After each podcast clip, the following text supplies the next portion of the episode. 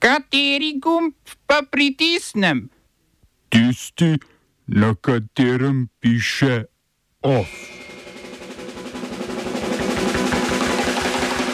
Glavni tajnik socialdemokratov Žibrt odstopil. Levica zahteva Kordišev izstop iz poslanske skupine. Povišica za Jankovičeve nadzornike pokopališča in parkirišč. Združeni narodi, palestinci se nimajo kam umakniti, izraelski evakuacijski ukazi obsegajo dve tretjini ozemlja Gaze.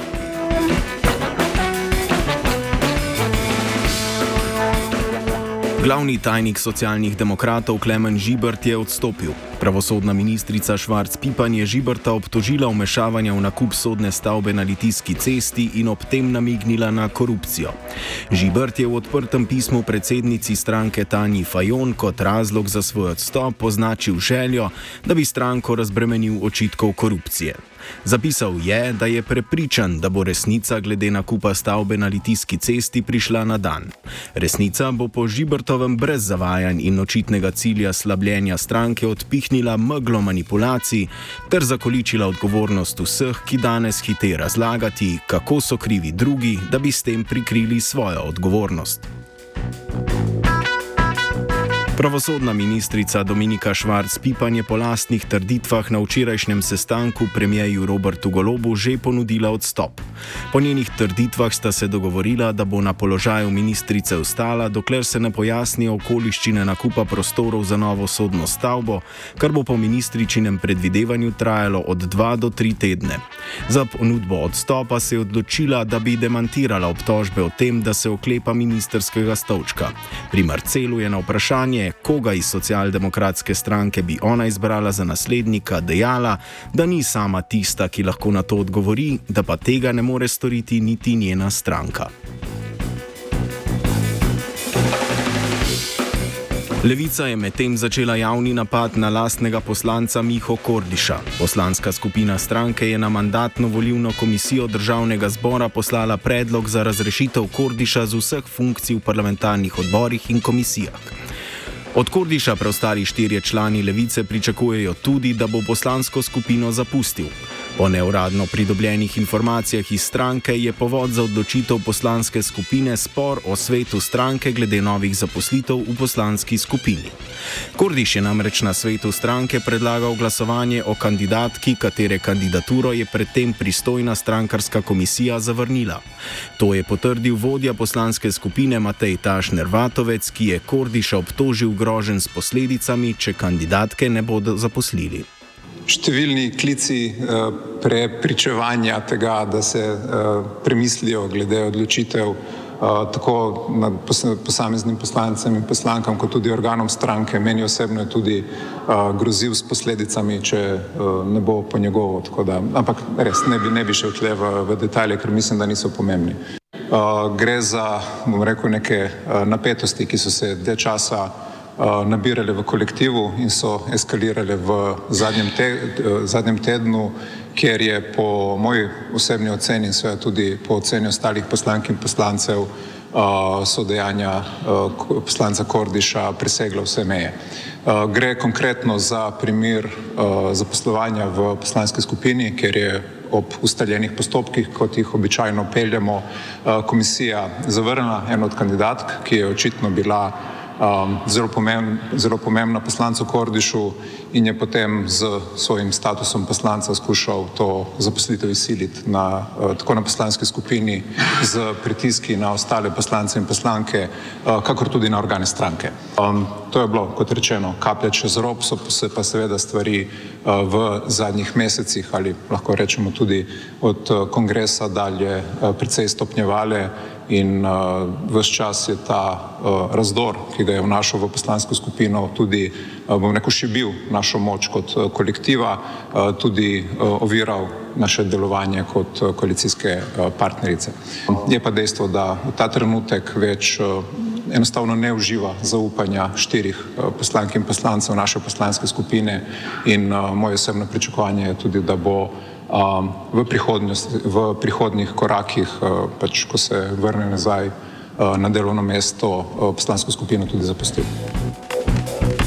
Vatovec je omenil, da gre tudi za napetosti, ki so se v kolektivu nabirale od lanskega kongresa stranke. Takrat je Kordiš vodil levo krilo stranke, ki je na kongresnih volitvah članov sveta stranke zmagalo, zato Luka Mesec za koordinatorja ni kandidiral.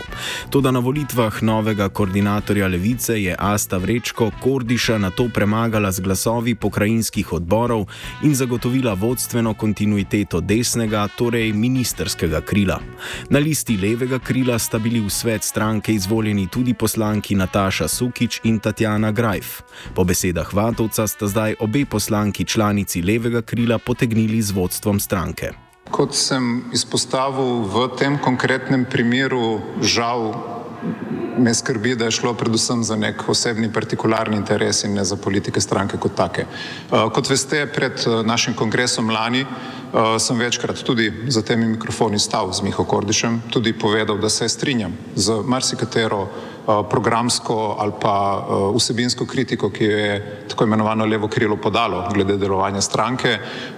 Moram pa reči, da smo vsi poslanki, vsi poslanci in poslanke, tudi dve članice, dve, ki ste bili članice tega levega krila, ugotovili, da so besede na papirju, ki jih je predstavljal kot program levega krila in dejanja v naslednjih mesecih v zelo velikem razkoraku. Ali bodo zdaj Kordiša izključili tudi iz stranke? Ja, verjetno ja. Mislim, da uh, bi to bila neka smotrna poteza, seveda, če bo potem tudi uh, širše v stranki ocena, da je pač njegovo delovanje uh, neskladno z našimi osnovnimi, bom rekel, tovariškimi izhodišči. Odločitev poslanske skupine komentira Miha Kordiš. Ja, že nekaj časa vidimo, kako nam levica odhaja na levo in vidimo, da imamo zelo različna stališča v zvezi s tem v stranki. Na zadnje, če se spomnimo, kakšne dva meseca nazaj, sem bil edini um, od vrha iz vidnejših funkcionarjev stranke, ki sem odločno nasprotoval rezom v usklajevanje socialnih transferjev. Potem je tle nedavna uskladitev minimalne plače v minimalni višini, ki je popolnoma popolnoma nedostojna. Imamo kontinuirano podporo imperialistični vojni v Ukrajini, pa nakupovanje orožja v takem obsegu, da se tega ni upala Janševa vlada. Zdaj na vse, niti Janševa vlada. Zdaj na vse te stvari zelo jasno in na glas opozarjam in se borim za to, kar je prav, za program naše stranke, za principe naše stranke in zato sem dobil tudi mandat na eh, volitvah. Um, In kot tak sem očitno um, bolj in bolj postajam trn v peti um, struktura moči pa interesom, ki jih imamo pri nas in zdaj sem pač poskuša rezati, utišati in disciplinirati. Kako pa odgovarja na očitke o pritiskih in grožnjah glede zaposlitve v poslanski skupini? Incidenta ni bilo nobenega, je pa tle nekaj drugega, kar je res.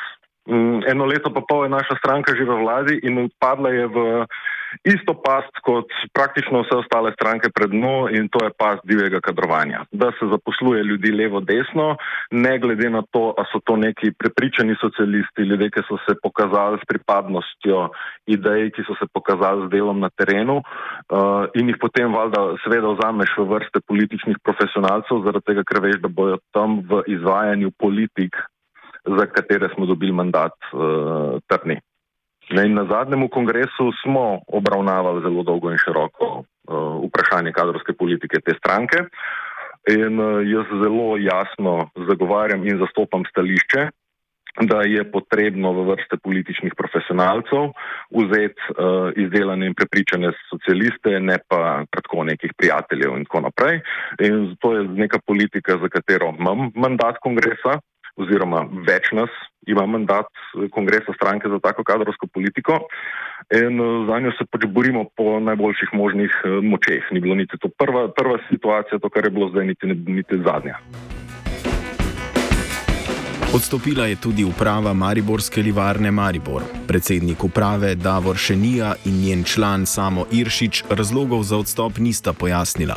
Livarni, ki je v lasti slovenskega državnega holdinga, sicer iščejo kupca, saj državne pomoči zaradi evropskih pravil ne morejo več zagotavljati. Lani je livarna, ki ima okrog 350 zaposlenih, poslovala z izgubo, grozi pa ji tudi plačilna nesposobnost. Časopis Delo poroča, da je nekdani lastnik in direktor gradbenega podjetja SCT Ivan Zidar pred upniki v sefu skrival za okrog 830 tisoč evrov gotovine. Zidar je bil leta 2008 zaradi podkupovanja pri poslu gradnje obsojen na 14-mesečno zaporno kazen, ki je zaradi bolezni nikoli ni prestal. Podjetje SCT, ki ga je Zidar izčrpal, je šlo leta 2011 v stečaj. Popis terjatov je razkril, da Zidar upnik upnikom dolguje 16 milijonov evrov. Čeprav je leta 2021 gradbeni baron umrl, še zmeraj teče postopek stečaja njegove zapuščine. Do zidarjeve smrti stečajni upravitelj ni imel dostopa do rezidence v Ljubljani, ko so v hišo končno prišli, pa so tam našli sef.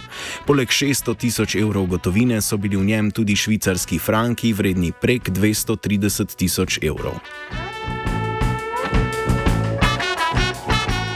Ljubljanski mestni svetniki so sklenili, da se sejnine članov nadzornih svetov občinskih podjetij Žale ter Ljubljanska parkirišča in tržnice povišajo za 30 odstotkov. Plačila za upravljanje funkcije člana nadzornih svetov bodo višja za skoraj 40 odstotkov. Osnovno plačilo za upravljanje funkcije člana nadzornega sveta bo slabih 7000 evrov letno, predsednika nadzornih svetov pa bosta prejemala osnovno plačilo skoraj 11000 evrov bruto na leto. Svetniška opozicija je povišici nasprotovala, v koaliciji župana Zorana Jankoviča pa so kot razlog navedli inflacijo. Obe podjetji, ki sta uradno javni, sta lani dvignili cene svojih javnih storitev, letos pa že načrtujeta višji dobiček.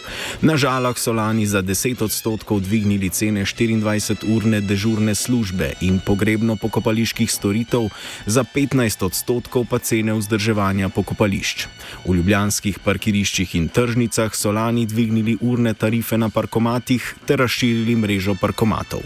Poleg tega so prevzeli upravljanje parkirne hiše pod novim Jankovičevim centrom Rok.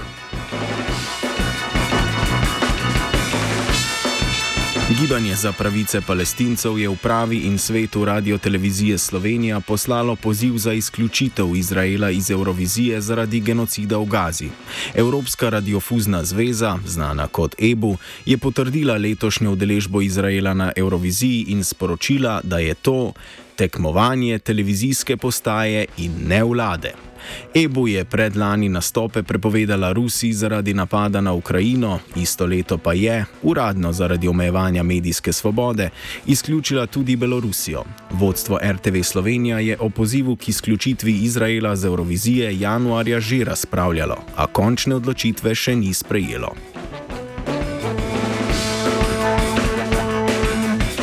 Na tuje. Izrael stopnjuje obleganje bolnišnice Nasser v Kan Junisu.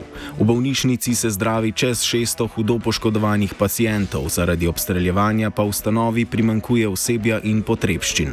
Urad Združenih narodov za usklajevanje humanitarnih zadev poroča, da izraelski ukazi za evakuacijo obsegajo več kot dve tretjini gaze.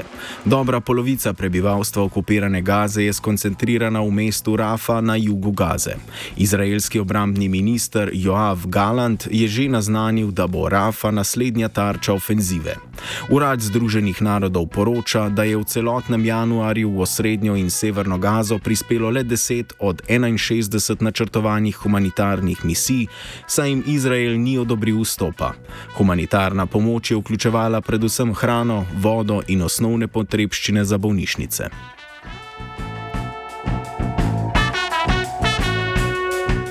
Vrhovno volivno sodišče v El Salvadorju je sporočilo, da bodo morali zaradi tehničnih napak še enkrat prešteti 30 odstotkov glasov z predsedniških volitev in skoraj vse glasove na parlamentarnih volitvah.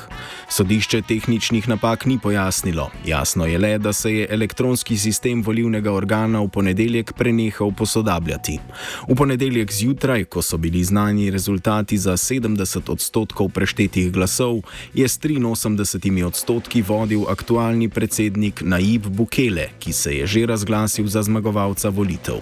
Državljani, ki so delovali v volivnih odborih, so že prej opozarjali na okvaro prenosnega sistema, počasno internetno povezavo in pomankanje papirja za zapisnike.